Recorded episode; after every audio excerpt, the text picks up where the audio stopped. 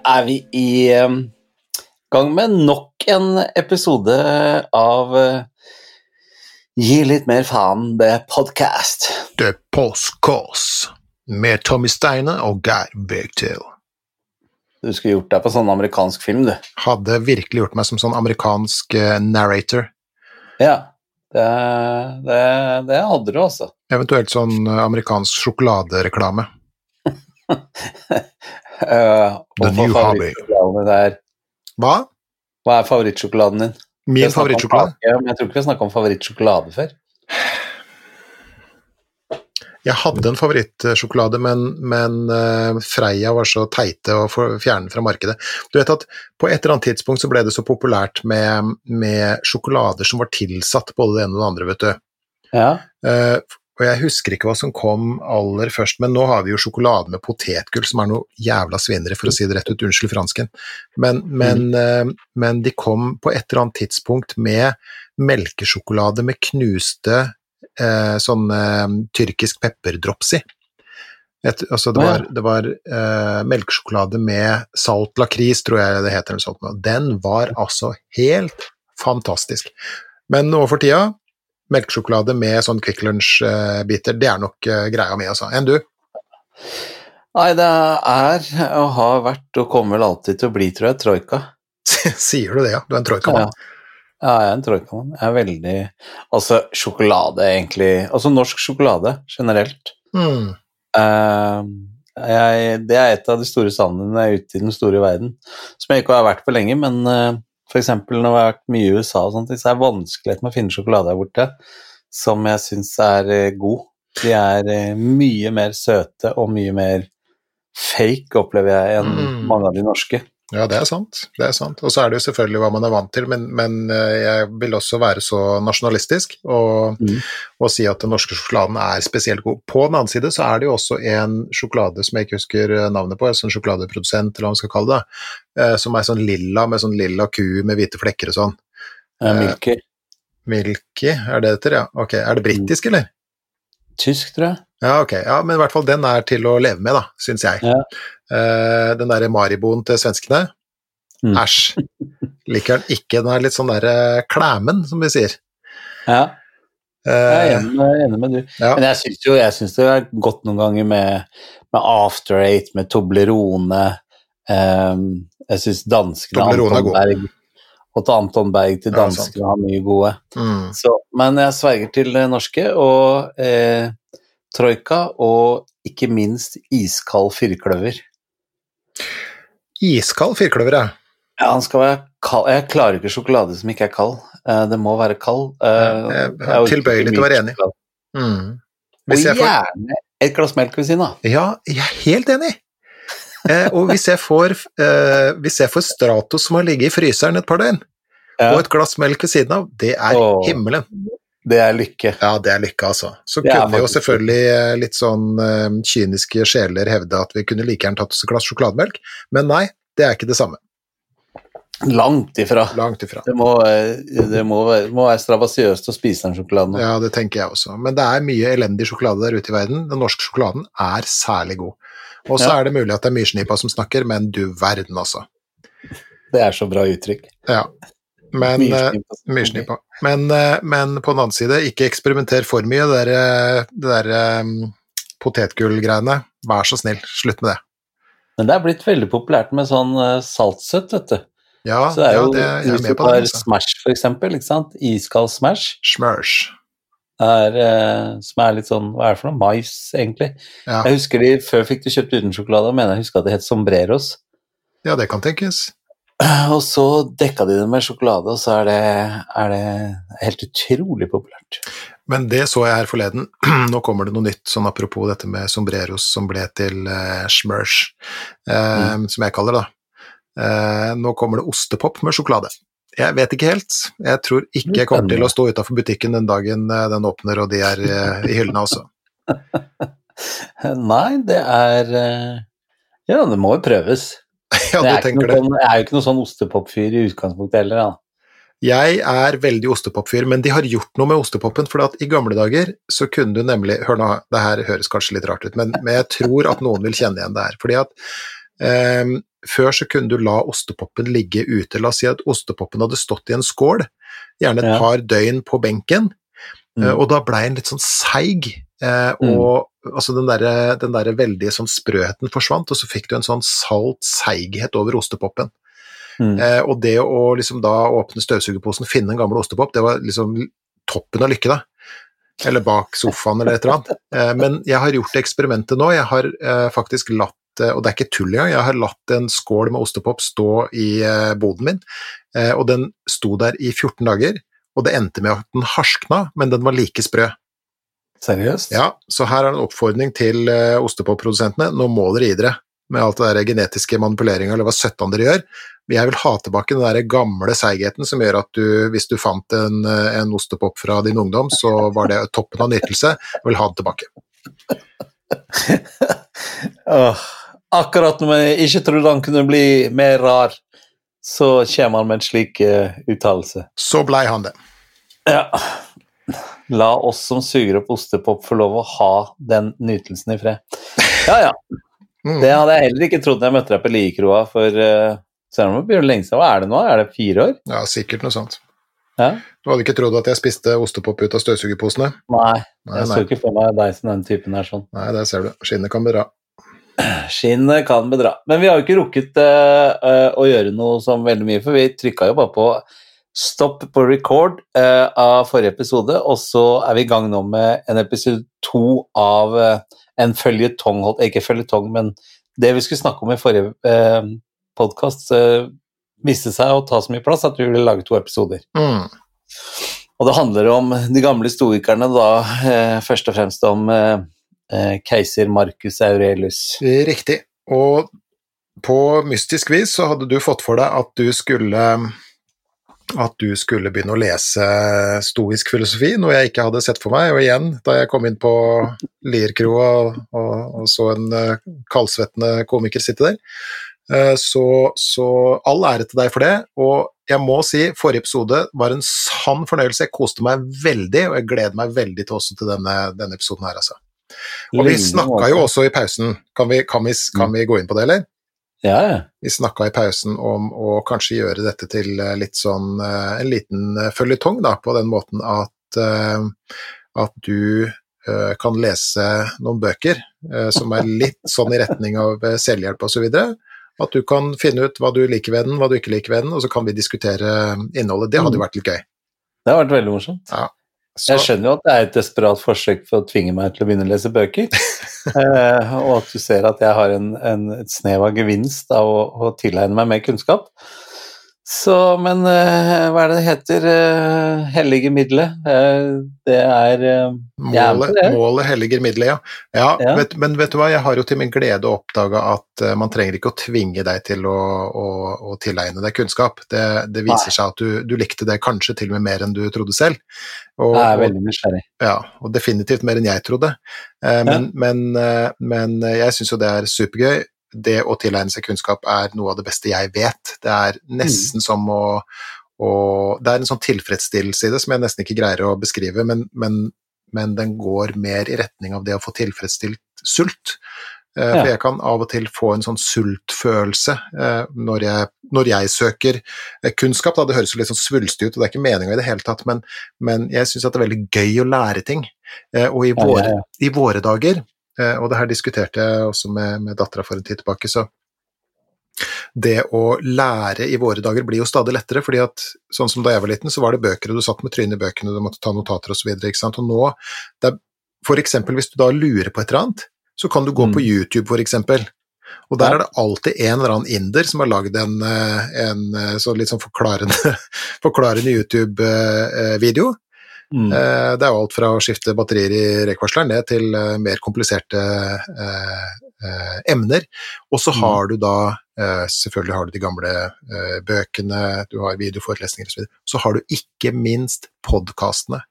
Og Mm. jeg må si det, jeg visste jo altså for tre år siden så visste jeg ikke hva en podkast var engang, men nå det, er- det, er, det er den måten jeg for tida innhenter kunnskap på, da, i, i stor grad.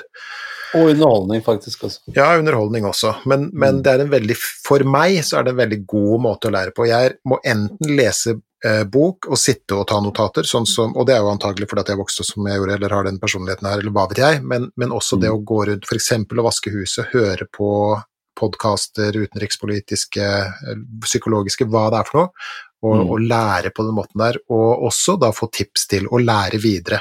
Kjøpe bøker på Amazon og på en norsk bokhandel og, og sånt noe. Fantastisk. Enig med du, altså. Mhm. Men du, det som er gøy før vi går videre, så stopp opp, fordi du sier du hadde ikke sett for deg uh, at jeg skulle, når du møtte meg på Likeroa, så hadde du ikke sett for deg at jeg skulle sitte og uh, bli interessert i gresk filosofi. Mhm. Det sa du, og det er flere andre tilfeller uh, hvor du har sagt det hadde jeg ikke sett for meg. Så jeg, nå er jeg litt sånn spør, Hva er det du egentlig så for deg når vi møttes på Likerua, da, at det skulle skje med meg? Nei, men altså, det var jo begrensa hvilken kunnskap jeg hadde eh, om deg. Jeg hadde jo, hadde jo en viss kjennskap til deg, på en måte, og, og vi har jo fortalt tidligere hvor, hvor befippet eh, jeg ble da Jeg vet ikke hva det betyr, men, men eh, jeg ble befippet eh, Ja. da, da du sendte en e-post eh, den gangen, for da du hadde Mm. lest boka osv. Eh, og, og jeg så jo for meg en sånn uh, artig kar som Jeg var jo eh, relativt skeptisk, det skal sies. Eh, Men det viste seg jo veldig raskt at jeg traff et menneske med stor M, da. Det sa jeg for så vidt også i, i 50-årsdagen din, at, Mhm. at du er virkelig et menneske med, med Hva skal vi si? Hva skal jeg si, da? Både rare sider og gode sider og, og i det hele tatt.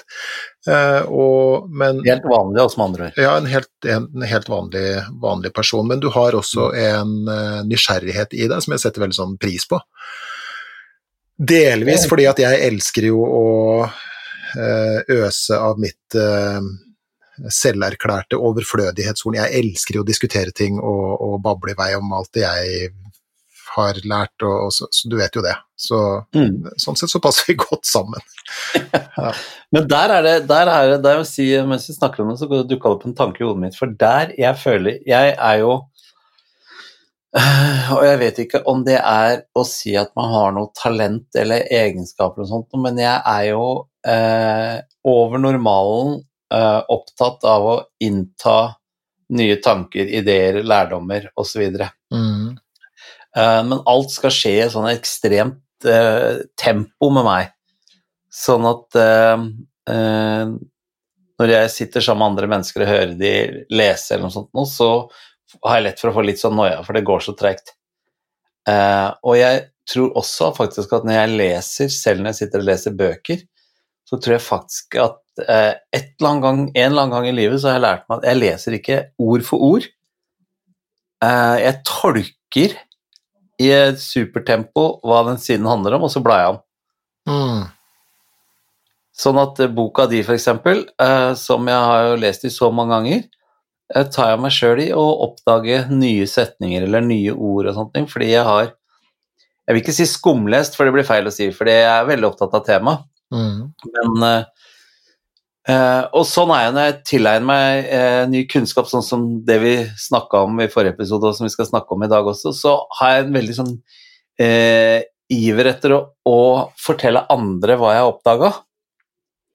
Men på grunn av at jeg ikke har gjort arbeidet mitt godt nok, eller om jeg er, så innmari spontan og i ekstremt tempo, så er det ikke alltid jeg får formidlet det så veldig bra, fordi jeg har ikke jeg har ikke jobba nok med stoffet, sånn at det sitter, skjønner du hva jeg mener da? Mm. Mm.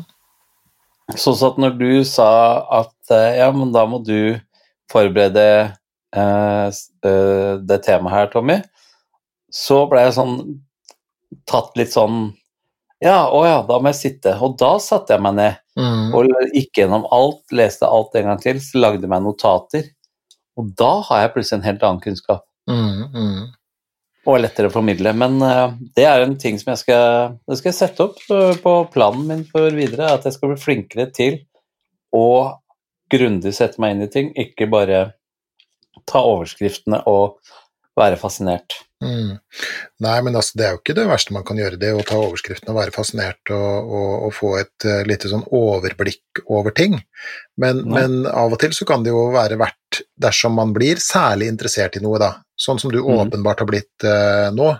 At man Mm. går inn i det og, og leser eh, grundig. Og jeg eh, er jo i likhet med alle andre av, av den typen eh, du beskriver først her nå. ikke sant? Dette med Mm. å kunne og, og det sier man jo faktisk også er en liten sånn bivirkning av dataalderen, da, det med denne scrollinga. Man ser f.eks. at barns evne til det å fordype seg virkelig i en tekst er i ferd med å gå tapt, da, fordi at man hopper og forsøker å finne essensen og sånn, og det kan det være både fordeler og ulemper med. Mens Mm. hvis jeg da blir særlig interessert, og jeg er jo også litt sånn som du beskriver eh, der nå, at jeg kan finne på å liksom nerde 100% på et eh, bestemt uh, tema, Mm. så kan jeg da bestille bøker osv., og, så videre, og da blir jeg sittende og, og, og, sånn som du sa i forrige episode, og studere, ikke sant, Mm. og ta notater og virkelig forsøke å finne ut av det. Eh, og så mener jeg selv, da, og, og det er noen ganger er rett, og andre ganger ikke, at jeg har funnet nok ut av det, og så, og så går jeg eh, videre, på en måte. Så det er vel antagelig sånn vi er skrudd sammen, tenker jeg. Ja, Det er spennende. Og jeg glemte å si i forrige episode vi snakka om om jeg har gjort noe strabasiøst. For vi fortsetter jo dette skjeggprosjektet vårt, Geir. I høyeste grad. Eh, og jeg, noen, noen, med, noen har jo mer hell enn andre, hadde jeg nær sagt. Ja, jeg veit ikke hvorvidt man skal klassifisere det som hell eller ikke, men hadde jeg fått velge, så hadde jeg jo heller hatt det håret du har på huet, enn eh, tettere skjegg enn deg nedi. Og så er jeg mer keen på toppen av huet enn bunnen av huet, men det, nå er det nå engang sånn det er. Mm. Og eh, jeg heiv meg rundt på dette her eh, litt felles prosjektet vårt at vi skulle eh, spare til skjegg. Eh, og det gikk jo kjempegreit i begynnelsen, men så har jeg må innrømme at jeg ved flere tilfeller har tenkt at nå er jeg lei, liksom. Nå, gud, nå gidder jeg ikke mer. Men så har vi gjort det sånn Vi har jo nærmest opprettet en sånn derre AA-avtale, vi. At uh, når det butter imot og man har lyst til å barbere seg, så må jeg ringe til deg først og fortelle hvorfor jeg har lyst til å, å fjerne det osv., og, så videre, og så skal du prøve å roe den tanken. Mm. Så foreløpig så er vi vel Hva er det inne nå? Er sjette eller syvende uken eller sånt nå med greiene? Og jeg gjorde som du sa, jeg gikk til barberer, gitt. Du har vært hos barberer, fortell om det. Jeg har vært hos barberer, det var helt fant, det var akkurat som du sa. Det var spa for mannfolk. Eh, så gøy. Kom til en engelskmann som har en liten barbersjappe nede i Lillestrøm. Og var der i nesten en time. Og trimma og masserte og olje og foam og Unnskyld. Uh, ja, det var stas. Så jeg fortsetter, jeg. Ja, så bra. Denne strabasiøse, strabasiøse greiene med å ha skjegg. Mhm. I hvert fall fram til påske har jeg satt meg sjøl, da. Det høres uh, veldig bra ut. Har Og du skal gjøre det ut 2021? Jeg skal gjøre det ut 2021.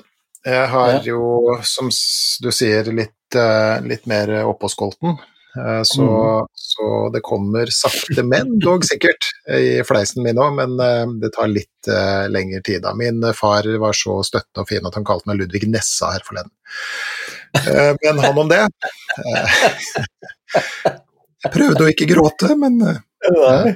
Da. Men det gikk, eh, det gikk Du kjenner jo faren din, da. Han, han liker jo å, å tøyse og tulle. Han setter jo ting på spissen, det skal han ha. Det skal han ha. Det er hans eh, her i livet. Eh, Får ikke noe gratis der hvis du ikke har fortjent det. Nei da, det er, eh, det er raka rør, som svenskene sier. Han er en fantastisk morsom mann, og, og jeg har vært heldig vært ute og spist med han ved flere anledninger. og- Ja da, for de som har sansen Eh, for sånt, så, så er han jo det. Ja, jeg syns det er veldig bra. Mm. Men du, nok snikksnakk. Ja. Eh, tilbake til eh, eh, stoisisme og, og da først og fremst Marcus Aurelius. Mm. Vi nevnte jo i forrige episode noen av disse eh, kaller jeg Jeg, syns det er så rart ord på det, for jeg, jeg blander det sammen. At det kalles det meditasjoner. Så for meg så er det mer jeg ikke lover er ikke riktig. Hva kunne du sagt noe annet da? Jeg, jeg skulle, det var det jeg egentlig skulle bruke pausen på. Jeg skulle google hvorfor det blir kalt meditasjonen meditasjon, men jeg fant ikke noe. Mm. Meditasjoner er jo, tenker jeg vi kan kalle det betraktninger, da. Betraktninger er bra ord. Ja, og, og Hans på latin så betraktninger og leveregler. Ja, og det er mange, mange filosofer både før og etter antagelig, som, i hvert fall etter, som har, eh, har kommet med sine såkalte meditasjoner, da. Og de fleste, Mm. eller mange av dem, er jo det som på latin kalles ad se ipsum, altså til seg selv. Mm. Eh, som i utgangspunktet da ikke Som var ment for en slags sånn selvrefleksjon. Eh, Mm. Men som da i etterkant har blitt, blitt utgitt. Og det fortalte jo du også i forrige episode, at uh, Marcus Aurelius, han, den romerske keiseren, han skrev jo for seg selv Adse ipsum. Mm. Men, uh, men så har det jo vist seg å ha hatt enorm uh, interesse for oss som har kommet etter, da. Mm. Og det regnes jo på mange måter som den første selvhjelpsboka. Gjør det? Ja, det gjør det, altså. Så det er jo litt sånn ekstra kult. Veldig kult. Så da skal jeg ta for meg et nytt punkt som jeg eh, Eller en ny betraktning. eh, Som var en del av hans morgenritual. Vi har jo snakket om at han skrev jo mange meditasjoner både på kveldsritualene sine og morgenritualene, og at de ofte hadde en sammenheng. Men en som eh, han hadde, som jeg syns var eh, eh, først rar, og så leser jeg meg og setter meg inn i det, og syns jeg var så spennende. Og det er at han sier at du skal praktisere tilsiktet ubehag. Mhm. Hva har du funnet ut hva han legger i det? Ja, for det, det som er gøy, er jo med de tingene som du og jeg har snakket om nå i et halvt års tid med det strabasiøse omfavnet, så her kommer det her også. Mhm. For det han sier er at uh, eh, Eller det han skrev, da, var at han ønsket å bygge opp sin resiliens og utsette seg for det strabasiøse og ubehagelige situasjoner. Så selv om han her var en keiser, Stopp, Ja. stopp, stopp nå. Stopp nå. Resiliens, hva betyr det? motstandskraft Motstandskraft. Ok. Ja. Så selv om han her var en keiser med eh, Og vi vet jo hvordan keiserne i Roma hadde det, de levde jo ganske fett. Hadde jo tilgang på alt mulig, og han har vokst opp i en rik familie og alltid hadde masse penger. Mhm. Så etterstrevet han det, det, det strabasiøse, da. Så han sov ofte på gulvet uten sengetøy. Han kledde seg i helt vanlige klær, ikke keiserklær og de silkeluksusene og sånt, men han kledde seg som en vanlig mann i gata. Han utfordret seg sjøl til ikke spise hver dag, og han trente kroppen sin hardt. Så han drev mye, eh, og det kommer jeg tilbake til, for det er også en egen betraktning, det med fysisk aktivitet, men han Mhm. gjorde eh, alle disse tingene for å feste setebeltet, for å kunne være forberedt på det som eventuelt måtte komme. Så han skulle forberede seg selv på det ubehagelige, sånn at de dagene han opplevde de ubehagelige tingene, så var han allerede klar og forberedt på det. Mm. Så jeg prøvde å koke dette over i, i eksempler på meg. Så det vil si Jeg drar i skogen med tung sekk, eh, sager trær, hogger til ved, tenner bål og lager meg mat på bålet. Mm. Hvis jeg noen gang skulle komme opp i en situasjon at det er det eneste måten å få i meg mat på, så har jeg allerede trent meg på det slitet, det ubehaget, det strabasiøse, som vil gjøre at det vil ikke komme som noe sjokk på meg. Mm. Jeg bare blar litt i notatene, derfor det blir litt sånn lyd. Mm. Um, så uh, hans uh, mål med dette sånn, var at du skulle søke å ha det ukomfortabelt istedenfor kun komfortabelt uh, 24 timer i døgnet. Eh, og det, eh, det vil da i framtiden lære han å Noen som han, det praktiske han dro ut av det, uten at han kom opp i de ubehagelige situasjonene, var at når han satte seg mål for noe han skulle oppnå, så tålte han bedre å holde ut eh, eh, det strabasiøse for å nå det målet. Så hans filosofi var rett og slett at jo mer du søker det ubehagelige, desto mer behagelig vil du få det. Wow. Ja, det er jo det er jo Det her er jo rett i kjernen på det vi har snakka om eh, mange ganger.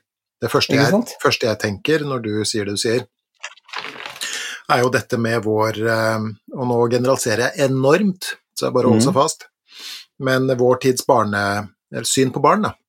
Mm. Og barneoppdragelse, og hvordan barn skal, eh, skal eh, håndteres.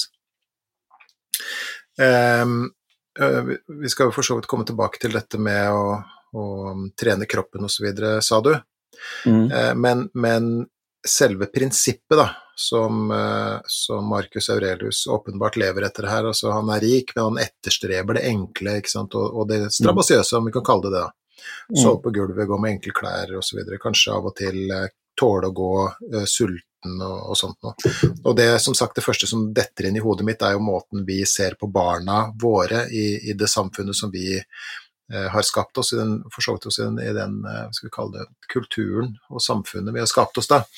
Um, fordi at uh, som sagt, altså en av de, de aller verste spørsmålene jeg noensinne har fått, er jo uh, den personen som da sa vil du ha uh, kompetente barn, eller vil du ha smertefrie barn? Og du, må Mm. bare, du kan bare velge én av dem. Mm. Eh, fordi at hvis vi da skal skjerme våre barn fra alt som er ubehagelig, eh, f.eks. konflikter med andre, det å av og til tape i konkurranser, ikke sant? det å ikke få til ting, det å være lei seg, det å, å eh, kunne være sint, det å bli skuffa, det å være sjalu, det å være misunnelig, alle disse vanskelige tankene og følelsene. Det å kjede seg. kjede seg, og også for så vidt, Mm. hvis vi skal skjerme våre barn fra det fordi at vi ehm, fordi at vi ikke tåler at de har vanskelige følelser, f.eks., Mm.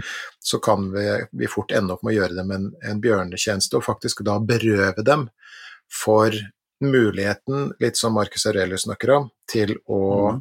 ka- Kall det litt sånn eh, herde seg, da, i møte Mm. med, med livet. Og det er veldig bra. Det liker jeg akkurat det du sa. Herde seg. Herde seg, ja. ja ikke sant? Mm. Fordi at det, er jo, det, er jo, det ligger jo i kjernen av det å vokse opp. Det er jo å stadig Mm. presse grenser for hva du er i stand til. Altså alt fra første gang du er med mora ditt på eller faren din for den del, da, til forelder da, til, på, på lekeplassen, ikke sant, og møte den, eh, den vanskelige og skremmende verden, til det å gå på eh, eh, skole, det å tørre å spørre ei jente om en eh, date, som det heter i våre dager, det å tåle å bli avvist. Altså alle de tingene strever vi jo med eh, oppover, altså helt fra barndom, tidlig, tidlig, tidlig barndom, hvor vi liksom skilles Absolutt. fra, fra symbiosen med, med mora vår, ikke sant, og til vi er selvstendige mennesker som skal ut i verden. Da. Mm. Så hvis vi da ikke utsettes for det som er vondt og vanskelig, i, Mm. i, eh, i passende doser, så berøves vi for en, eh, en eh, mulighet til nettopp å bli herda og kompetent Mm. ikke sant, i verden. Da. Det er også kjernebegrepet i terapi.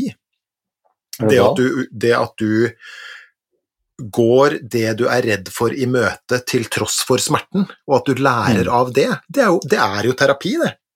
Fins ikke noe annen terapi. Du kan ikke, kan ikke ta pasienten din på, på fanget og skjermen i ti år og tro at vedkommende blir mer livskompetent av den grunn. Nei. Ikke sant? Det er også kjernebegrepet i, i utdanning, f.eks., eller i læring, da.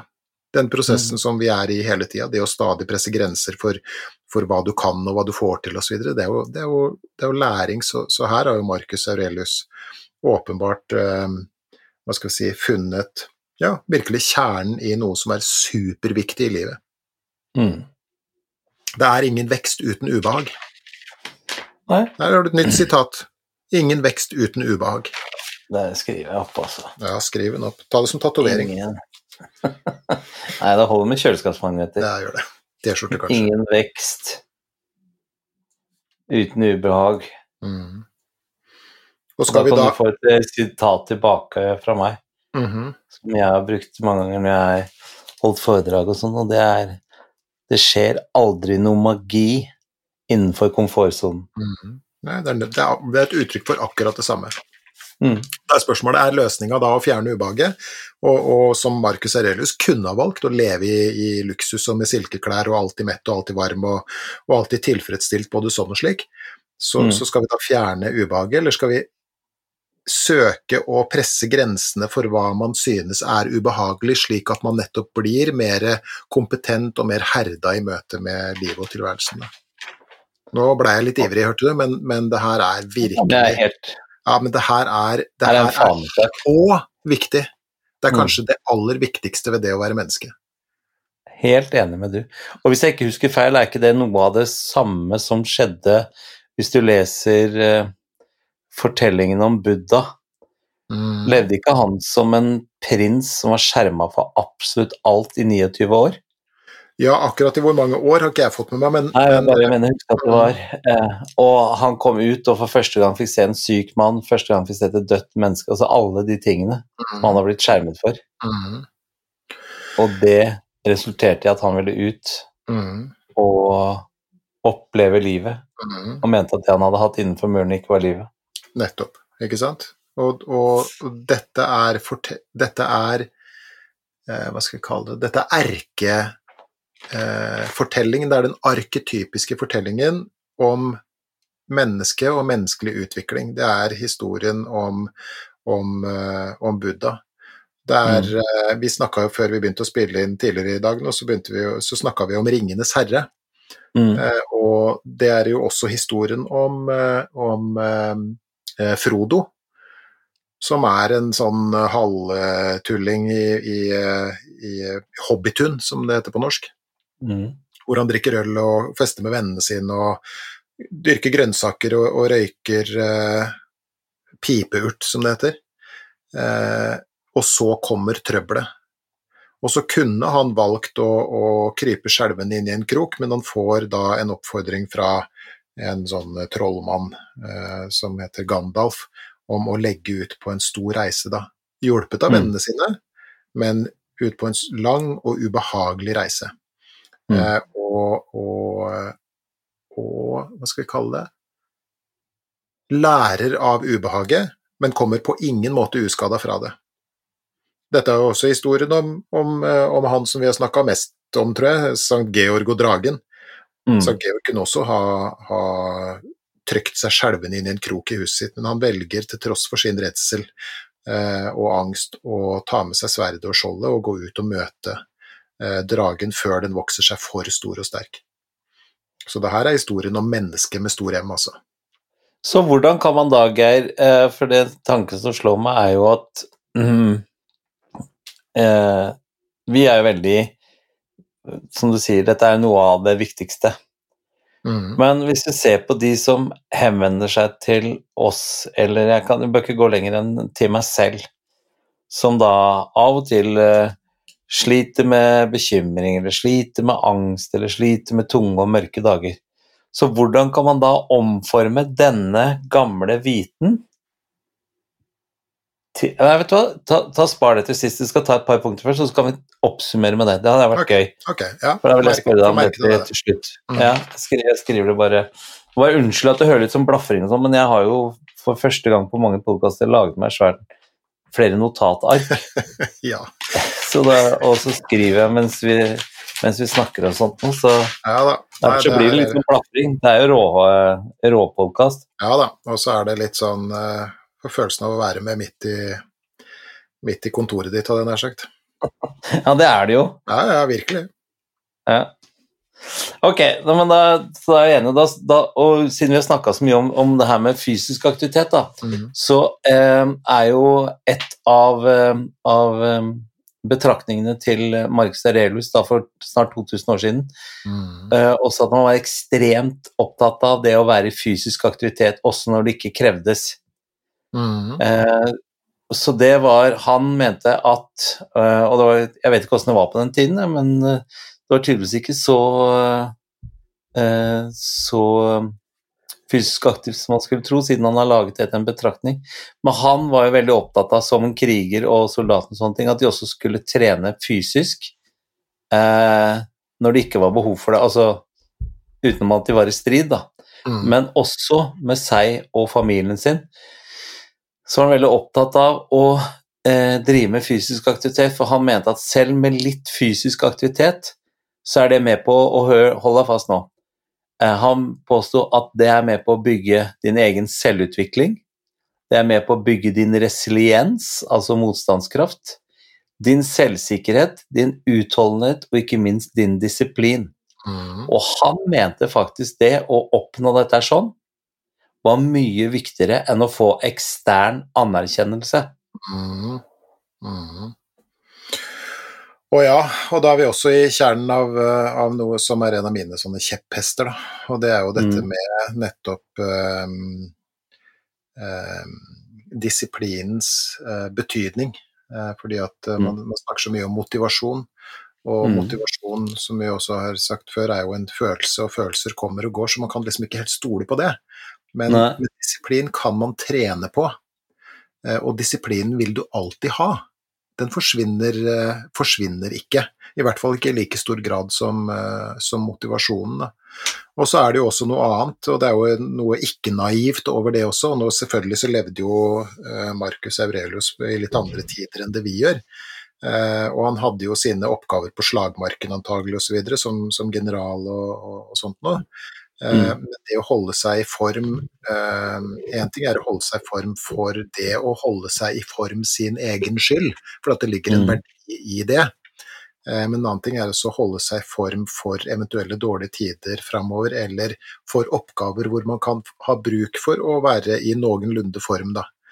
Eh, Mm. Jeg fikk noen tanker mens du satt og snakka nå, så, og igjen, jeg husker ikke hvor det er fra, men, men det var fra en eller annen beleiring av et eller annet eh, slott eller en borg eller et eller annet der hvor, hvor uh, hvor denne kongen, eller hva det var da, som var under beleiring, uh, Mm. sitat, lot hestene piskes på stallen. Og det betyr at de lot uh, hestene løpe rundt inne på stallen. For at hvis de bare Mm. sto på stallen, eh, og beleiringa var over, eller de selv skulle ut og bryte beleiringa, så ville jo hestene være i dårlig form.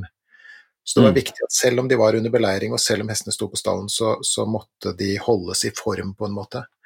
Mm. Og, det var vel litt eh, andre krigeridealer antagelig ute og gikk eh, på den tida der, eh, enn det er nå. Eh, det som, hvis jeg skal få lov til Kan jeg få lov til å snakke litt om det her? Mm. Um, Det er jo derfor vi er her. Ok, så, så um, Vi har jo siden um, slutten av 40-tallet, sånn cirka, da, uh, så midten, slutten av 40-tallet, levd i relativ fred, i hvert fall i vår del av verden.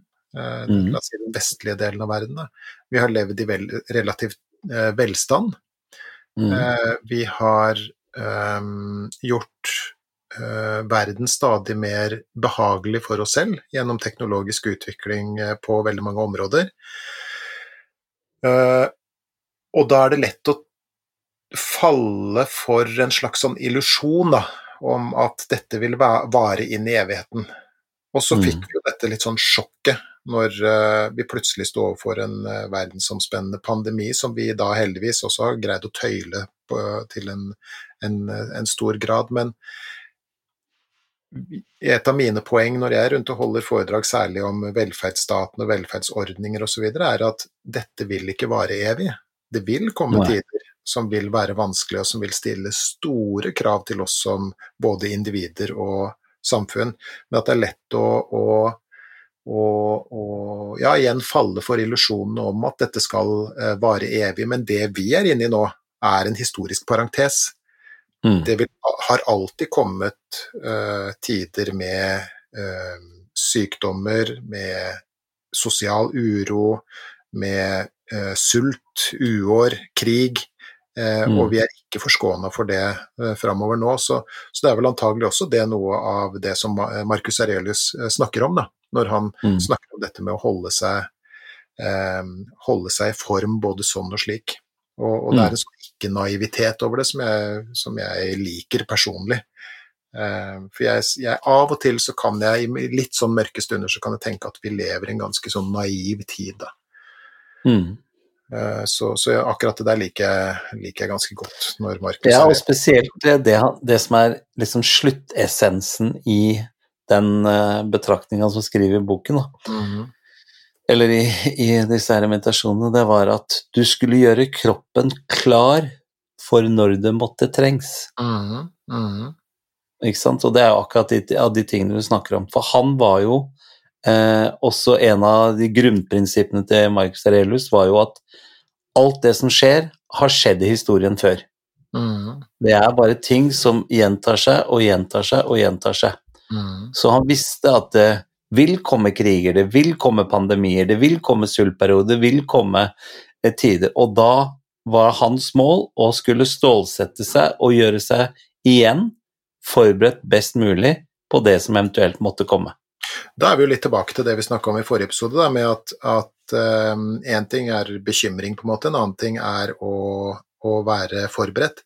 Og nå er det jo mm. lett, altså når vi snakker nå, så er det jo lett å få litt sånn uh, prepper, uh, paranoia hva skal vi kalle det, tanker eh, rundt det her. Men, men ja, I hvert fall du og jeg når vi sitter og snakker sammen, så er vi, er, vi er nesten vi har nesten bygd bunker, vi nå?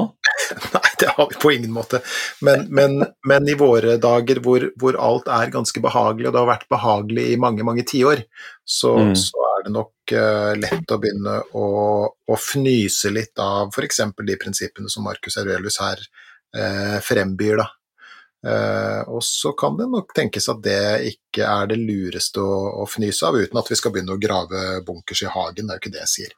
Men, uh, men uh, at man skal tenke at det kan komme andre tider, det er jo kan fort være en kjensgjerning, tenker jeg. Og det har vi jo virkelig lært nå i, i 2020.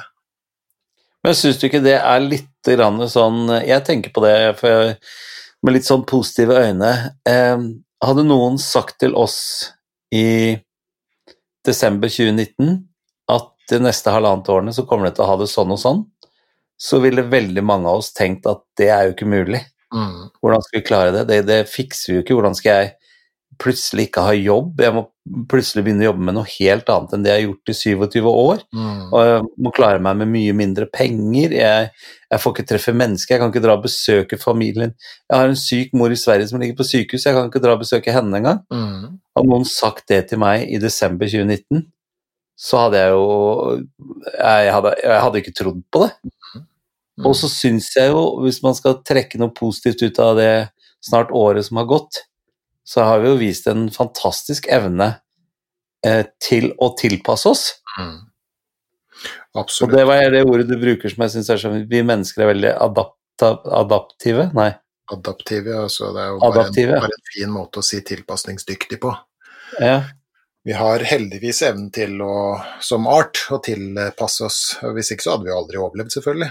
Men vi har evnen Nei. til å tilpasse oss uh, vanskeligheter. Og, og det, er en, det, er en, sånn uh, når du sier det du sier, så får jeg også noen tanker om, om noe vi har diskutert tidligere, også denne, denne perioden eh, fra sånn ca. 1880 til 1900 og, og, rundt det 1920 kanskje, da. Mm. Eh, hvor, hvor, det også var en, en lang historisk periode med, med relativ velstand. Eh, og, og, en samfunnsutvikling som gikk veldig i retning av automatisering og, og på mange måter relativ smertefrihet, ikke sant? i form mm. av både smertestillende medisiner, det var én ting, men, men, også en mer behagelig tilværelse for veldig mange. Og, og, med helt klare unntak, så det er ikke noe med det. Men, men, for veldig mange, da, i hvert fall overklassen og middelklassen, så begynte det å bli ganske eh, behagelig. Eh, mm. Og det man så eh, vokse fram, var jo en reaksjon på dette behaget, fordi at mange følte seg litt sånn hensatt til litt sånn hjelpeløs passivitet på en måte i sin egen eh, tilværelse. Det var noen som snakka om eh, altså Det er en bok som heter 'Tilværelsens utholdelige letthet'. Og, mm. og når Jeg snakker med Jeg snakka faktisk med mine kolleger forrige uke, og de, og de sa at eh, uavhengig av hverandre at de begynte å se en, en, um, en utvikling ikke utvikling, men en tendens da, hos, hos de personene vi jobber med, i hvert fall, som er eh, det vi kan kalle lettere til middels eh, psykiske plager, det vi kan kalle sånn psykologiske plager eller vanlige psykologiske psykiske plager. Eh, mm. Så sier da mine kolleger at eh, vi ser en tendens til at det begynner å bli stadig mer sånn eksistensielle spørsmål. Er dette mm. alt? Eh, skal, er det ikke noe mer enn det her? Eh, ikke sant? Mm. Eh, og, og, mange på den tida, jeg, den tidsperioden som jeg nå snakker om, klagde over at, at tilværelsen hadde en sånn vektløshet som, som, etter hvert begynte å bli ganske vanskelig for veldig mange. Da.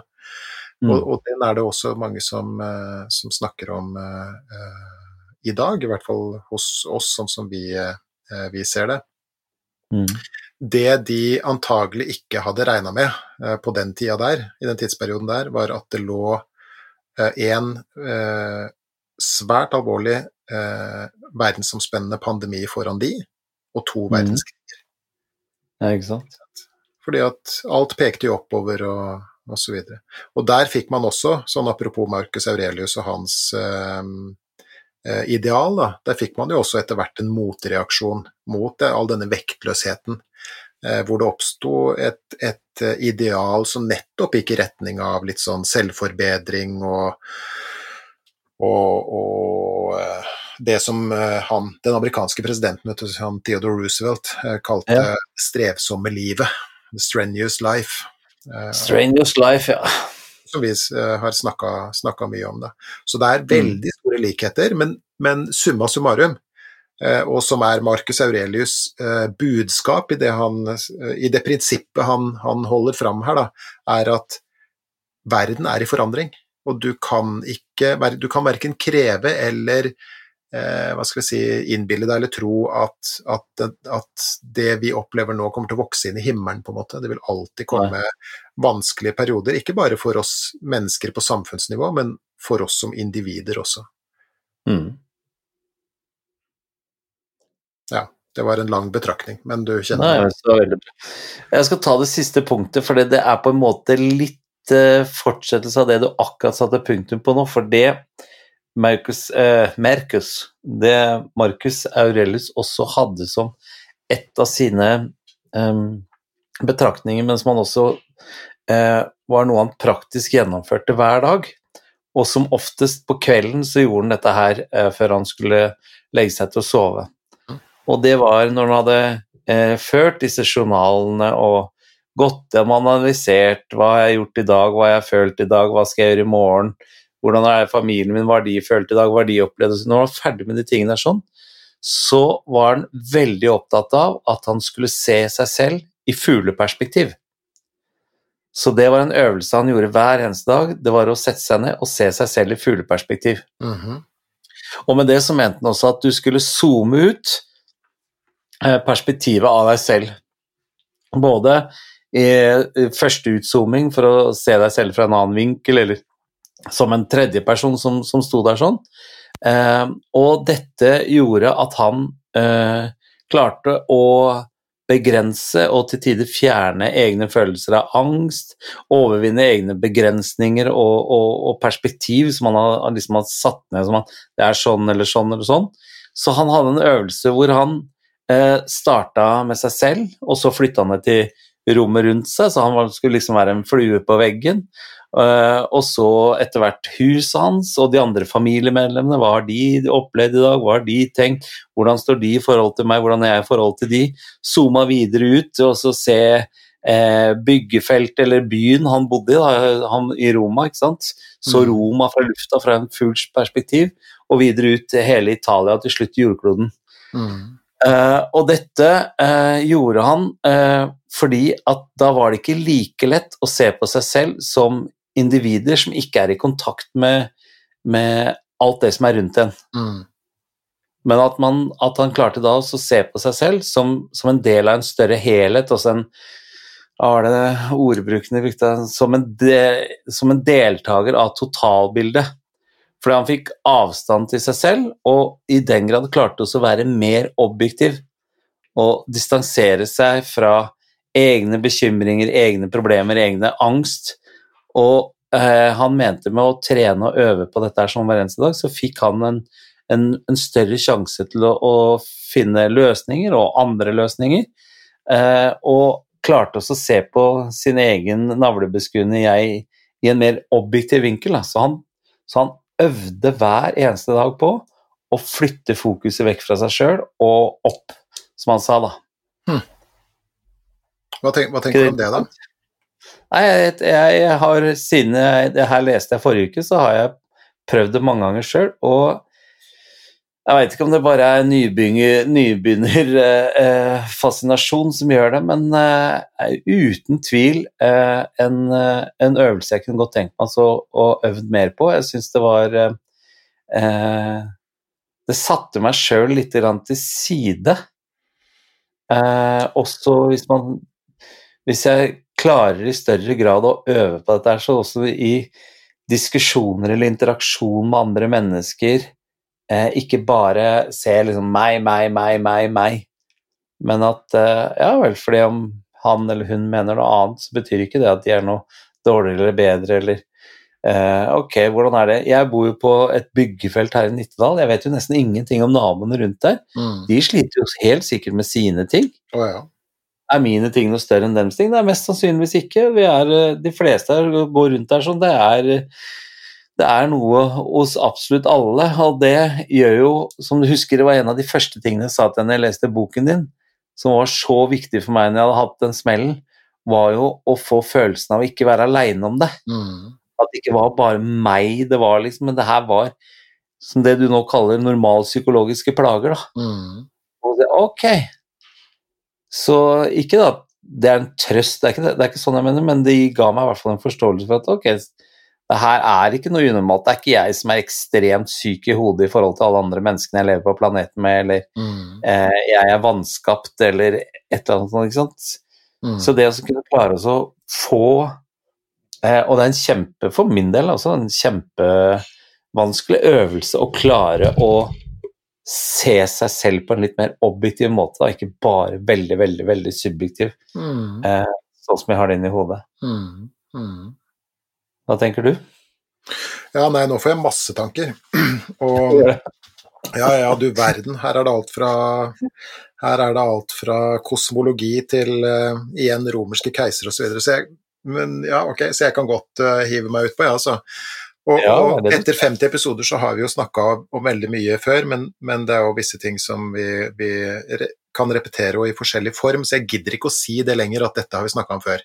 Nei, ikke Jeg orker ikke det lenger nå. Um, men det aller første jeg tenker på, er jo er et, um, et bilde bilde -huh. som, som, eh, ble, som er tatt av jorda. Jeg kan legge ut et, eh, et um, Jeg kan legge ut linken eh, til det. Men Mm. det bildet har fått en sånn spesiell tittel. som he, altså det, det er blitt kalt The Pale Blue Dot. Altså den, den Ja, den svake blå prikken. Og det er et, Mm. det er et bilde som er tatt av eh, jorda. Det ble tatt eh, 14. februar eh, i Mm. 1990 av en sånn romsonde som heter Voyager 1, og som da Mm. var på vei ut av eh, vårt solsystem. Det er jo, den, eh, det, er jo den, eh, det romfartøyet som er lengst fra oss, ikke sant? Mm. Og det snudde seg, og så ehm, tok det et bilde bakover mot vårt eh, solsystem. Da. Og eh, det er et så Hva skal vi kalle det, da? Ja, Litt avhengig av hvordan du tolker det og hvilken sinnsstemning du er i. Da. Det er enten skrekkinngytende eller Mm. litt sånn trøstende, det bildet der. Fordi at det bildet er jo tatt eh, seks milliarder kilometer unna eh, jorda, og viser Mm. jorda som en bitte, bitte, bitte liten blå prikk i en evighet av eh, stjerner, ikke sant? Mm. Eh, og det har litt samme effekten på meg som det du snakker om da, med, med Marcus Aurelius. Det gjør at jeg liksom tenker wow, se på det der. Så små er vi, så korte er livene våre. Det er greit, liksom. Mm. Uh, og jeg tenker at det er kanskje det eh, Marcus Aurelius også er litt på jakt etter, en slags sånn relativisering. Du vet at det er jo ganske lett å tenke når man er eh, keiser i Romerriket, som, eh, som De var ganske høye på seg sjøl, nemlig det gamle Roma. De hadde jo blant annet på, på eh, Forum Romanum, som det heter fremdeles, da. Altså, eh, hva skal vi kalle det, det, både det økonomiske, politiske og militære sentrum i det gamle Roma. Eh, det var Mhm. Forum Romanum, og midt i Forum Romanum der var det en, en eh, mosaikk. Var, jeg tror at det var en hvit eh, mosaikk med en sort sirkel, og der skal det da etter sigende ha stått umbilicus mondi, altså verdens navle. Og når du er keiser av det riket der, som jo, så langt de eh, visste, strakk seg omtrent eh, rundt hele jorda, ikke sant? Selv om det Mhm. for så vidt bare var Europa, Midtøsten og Nord-Afrika, så, så er det lett å bli høy på seg sjøl. Mm. Mens det eh, Marcus Aurelius praktiserer, er en slags sånn relativisering. Da. Han gjør seg selv litt sånn eh, uh, uviktig. Altså, du er ikke så viktig som du tror, du er ikke universets sentrum, og ikke minst, du er dødelig. Du er et lite menneske med et veldig lite sånn blaff av liv på, i den derre evigheten eh, som vi kaller tid. Ikke mm. sant? Eh, så jeg tenker at det er jo ganske sånn en, en måte å, å, slenge en sånn kald bøtte med vann i huet på seg sjøl og, og, si krypende fra den der høye hesten din, liksom. Og innse at du er på jorda her en veldig begrensa periode og, og, gjør så godt du kan mens du er her.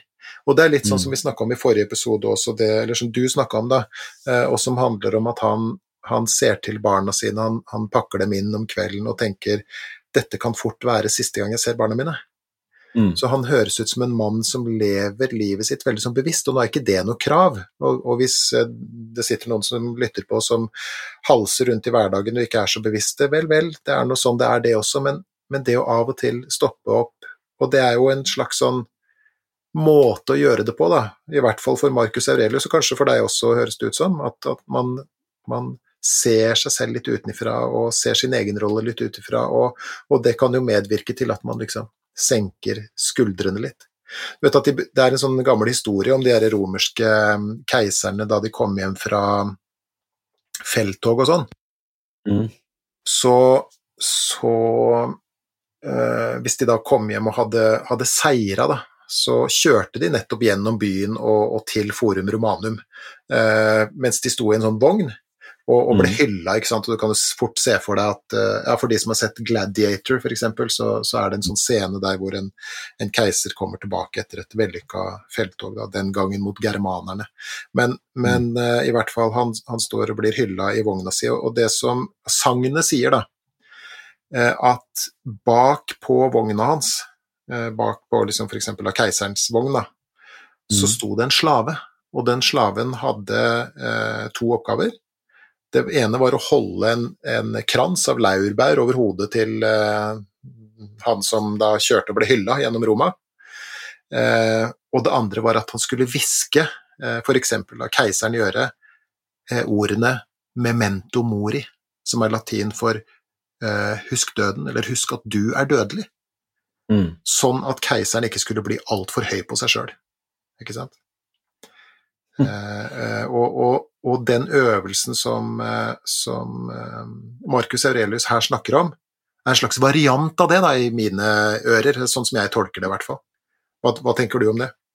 Nei, også, og ikke minst at det er litt utypisk til en, en, en romersk keiser å ikke bare tenke, skrive det, men også praktisere det. Ja, ikke sant. Men vi er jo ja. på én måte, da, for, og, og, og misforstå meg rett nå, så er vi på en måte alle romerske keisere, fordi at vi, vi er jo alle sentrum i universet. Mm. Vi ser verden og andre mennesker ut fra våre øyne og vår bevissthet, ikke sant. Mm. Eh, og det, og det fins jo på en måte, misforstå meg rett og i anførselstegn, ikke andre tider enn den vi selv lever i. Eh, den som eventuelt skal komme etter. Altså, vi, vi, er jo ganske sånne rare vesener, vi mennesker, fordi at vi er det eneste, så langt vi vet, da, det eneste vesenet som har en bevissthet om at vi skal dø en eller annen gang. Mm. Men vi har så sterkt forsvar mot det at vi er i stand til å ikke ligge i fosterstilling skrikende av skrekk. Men å faktisk få til å leve en hverdag og, og leve et liv til tross for det faktum. Da. Eh, men å, å, kunne være innom den tanken og, og, bruke den tanken til å kunne leve et liv eh, som for oss er godt, til tross for alle opp-, ned- og bortoverturer. Eh, mm. Og leve et liv som, som i, i, beste fall også gjør at andre har det bare kneppet bedre da, på denne planeten, liksom, mens vi er her. Mm. Eh, det kan være det ypperste idealet, og kanskje er det Det er ikke sikkert at det passer for alle, men kanskje passer den måten som Marcus Aurelius her frembyr, da. Eh, så mm. kanskje mm. den passer for en del av oss, nettopp for å kunne innta den posisjonen og bli mer bevisst på det. Ja. Men ok, hvis du skal, uh, hvis du skal liksom oppsummere, for nå ser jeg noe Jeg klarte jo fint å nærme oss en time i dag òg.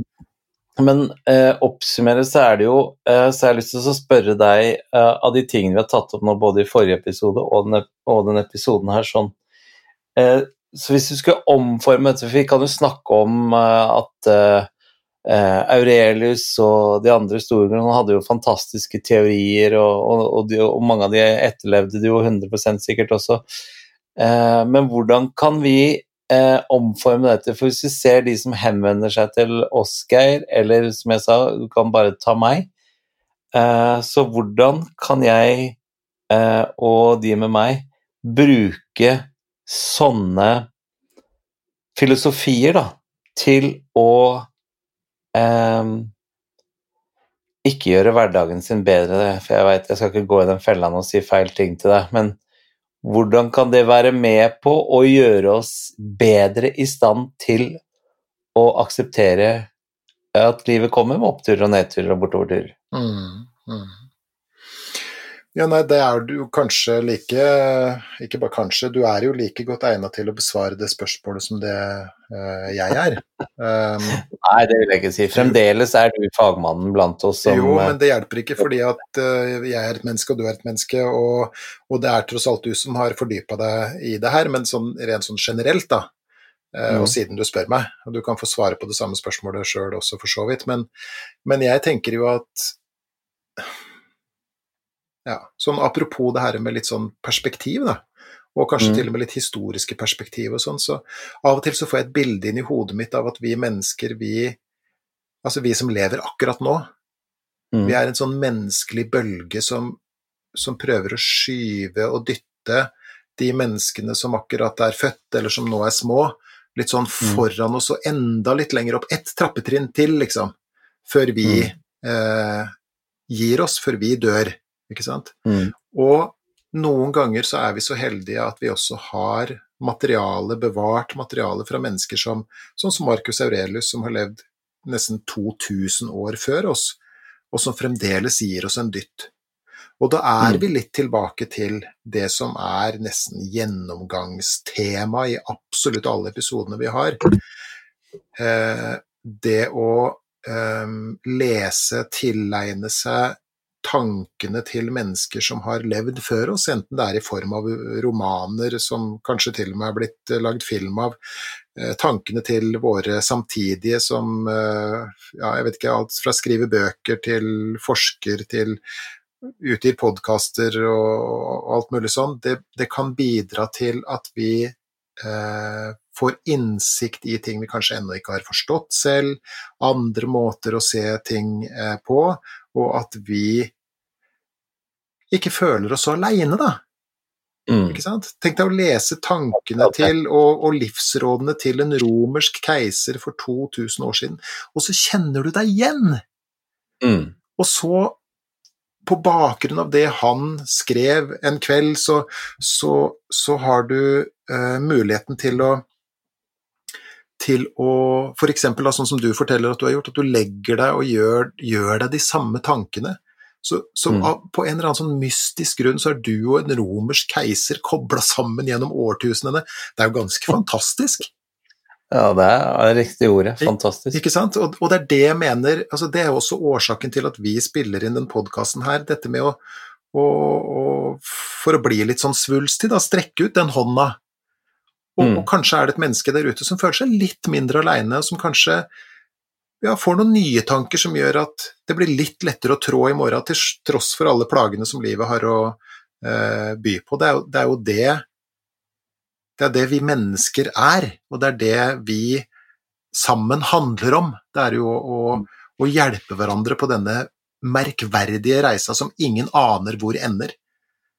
Og av og til så tenker jeg at den, den ender ikke med det her, men ja, ja, det er jo en annen diskusjon, selvfølgelig. Men, men, men Les, les alt fra romerske keisere til Ringenes herre, og du vil oppdage at folk har Altså ikke oppdage, men du vil, du vil føle deg mindre alene, og du vil, du vil, få innsikt i at folk har levd liv før. Men prøv å lytte. Prøv å lytte til hva de sier, ikke sant. Mm. Husk, jeg vet ikke om du, har du sett, Husker du den filmen som het eh, Det var med Robin Williams, Hvil i fred, han, han fantastisk film, og plaga på sin måte. Men han mm. hadde jo denne filmen som het um, Grip dagen. Mm. Hvor han var lærer jeg tror det var på 50-tallet eller sånt, på en Carpe Diem. Carpe Diem ja. Uh, hvor, han, hvor, han, lærte disse unge mennene til å lytte til hva kulturen deres sa. Og de sto mm. foran mm. noen glassmontre, det var bilder av folk som hadde gått på skolen 100 år før dem. Mm. Eh, og han sto og hviska i bakgrunnen, ikke sant. Lev, Mm. lev. Eh, og, og det er det som litteraturen prøver å fortelle også, da. Og det er det litteraturen har fortalt deg nå. Så jeg, det var helt fantastisk at du har lest det her. Jeg har lært eh, kjempemasse, jeg har fått lov til å tenke sammen med deg. Det her syns jeg var veldig, veldig, veldig bra. Og så gøy. Det må vi fortsette med. Mm. Eh, og jeg er helt enig i den, eh, den, eh, den betraktningen som du nå ga av dette. sånn. Og så har jeg, har jeg liksom skrevet opp tre punkter liksom, som jeg nå skal Som jeg har lyst til Og jeg, jeg sier ikke at noen andre må det, på en måte, men jeg bare kjenner jeg har lyst, jeg har lyst til også, å, å øve meg på. For jeg har lyst til å se effekten det har på meg. Og det ene er dette med journalskriving, som jeg, som jeg sa til deg. Og så skrive noen eh, linjer på kvelden om neste dag, og skrive noen linjer på morgenen om hvordan dagen skal bli, og så evaluere det påfølgende kveld. Så det er det ene. Som et ledd i en form for sånn bevisstgjøring på noe vis, da, eller? Ja, eh, jeg, jeg er jo en fyr som, eh, som jeg mener har all verdens muligheter. Eh, Og selv om jeg er bare 51 år, så er det jo så ekstremt mye jeg ikke har lært meg ennå. Eh, Og jo mer jeg kan lære meg, desto mer eh, verdifull syns jeg dagene er, da. Mm. Så det å tilegne meg kunnskap mm. er en av de store, store drivkraftene i, i kroppen min også. Mhm. Så det skal jeg gjøre. Det skal jeg virkelig det skal jeg gå inn for. Og jeg sier ikke at jeg skal prøve, jeg sier at jeg skal gjøre det. Mm. Eh, For et eller annet med at når jeg sier prøve til huet mitt, så er det akkurat som jeg ikke mener alvor. Ja, ikke sant. Så derfor sier jeg skal. Det andre punktet jeg skal gjøre, det er eh, å fortsette det som jeg til nå har hatt veldig suksess med. Det er også eh, et av de siste tingene jeg gjør på kvelden før jeg går og legger meg, er det her med å øve på å se ting fra et fugleperspektiv. Mhm.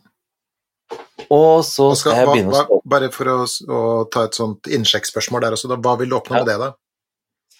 Uh, i større grad Reit folkelig sagt, som jeg føler er min oppgave her, er å, å ikke ta seg sjøl så jævlig høytidelig. Mm. Mhm. Og være så navlebeskuende. Mhm. For vi, er det de dagene jeg grubler, eller de dagene jeg sitter og bekymrer meg, så er det meg, meg, meg, meg. Mhm. Og jeg tjener ikke noe på det.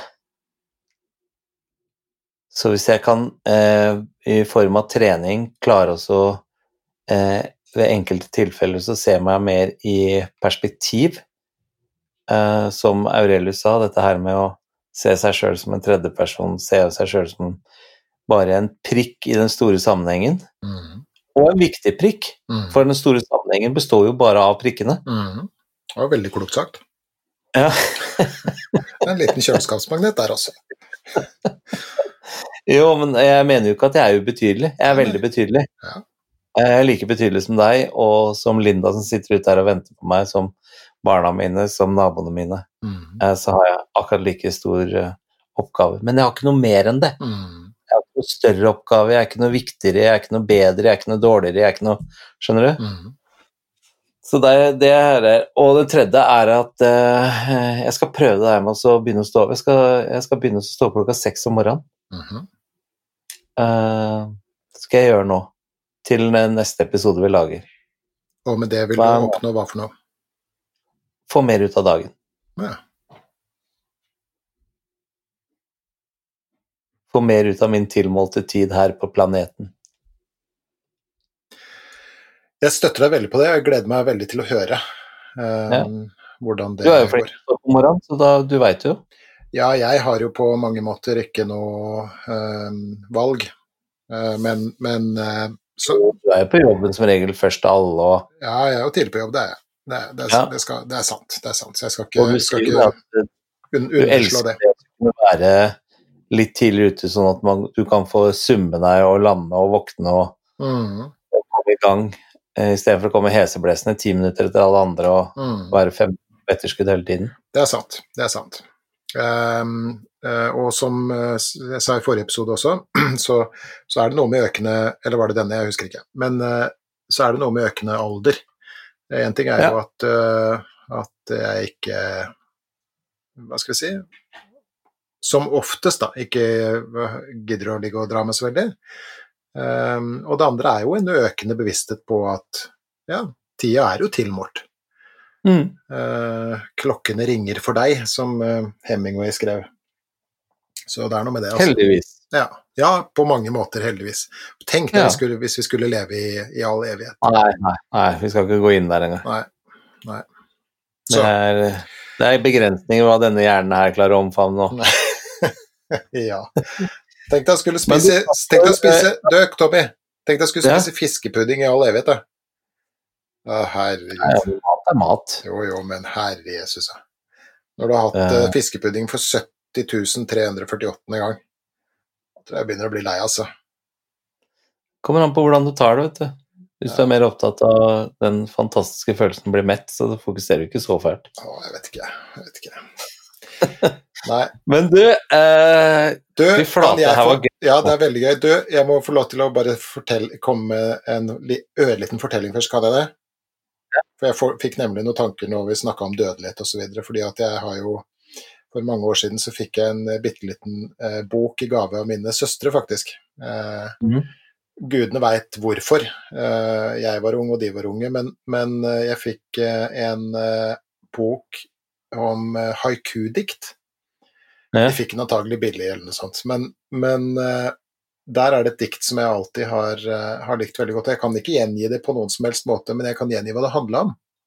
For det handler om en munk som er ute og går i nærheten av en kløft. mm, Så blir han forfulgt av en tiger. En tiger kommer for å spise den, så han hopper jo utfor kløfta og blir hengende da, altså i ren nødverge, da, så hopper han utafor og blir hengende eh, etter en eh, sånn liane, ikke sant? Så, og tigeren står over den og har fremdeles lyst til å spise den, men han henger nede i kløfta der, i denne lianen. Og tror du ikke det kommer en tiger nede i kløfta også, som står og sikler og kikker opp? Og på lianen så er det en svart mus og en hvit mus, og de sitter og gnager. Og det er tydelig hvordan det her kommer til å ende.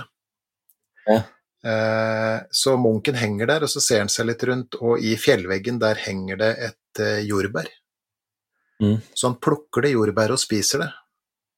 Og den siste setningen sier hvor inderlig søtt det smakte. Og det sier for meg eh, hvordan det er å leve et liv mellom de to evighetene, da. Den, evigheten vi, den evigheten vi kommer fra, og den evigheten vi skal inn i. Og så handler det da om, kanskje sånn for din del, å stå opp klokka seks og smake på dette inderlig søte jordbæret når du har eh, anledning til det. det var bra, altså. Ja, det var ikke det fioliner, skjønner ikke jeg. Der tror jeg faktisk vi må faktisk vurdere å ta inn et symfoniorkester, altså. Ja, ja vi må kanskje det.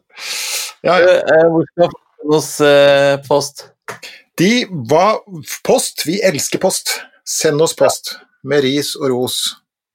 Og like oss og gi oss stjerner og eh, vær med og støtte oss. Ja. Men send oss gjerne en eh, elektronisk post til til gi litt mer f, i ett ord, gi litt mer f, at gmail.com. Gi litt mer f, spekefjøl. gmail.com. Så, Ja, veldig bra. der fikk du den. Tusen takk for eh, noen fantastiske timer sammen. Altså. Du, tusen takk for at jeg denne gangen fikk lov til å bare sitte og filosofere og røle i vei. Det var helt fantastisk. Veldig, veldig bra. Mhm. Da ses vi eh, om en stund igjen, gjør vi ikke det? Jo, jo. Yes. Plutselig. Ja, vi gjør det. Ha det bra. Ha det.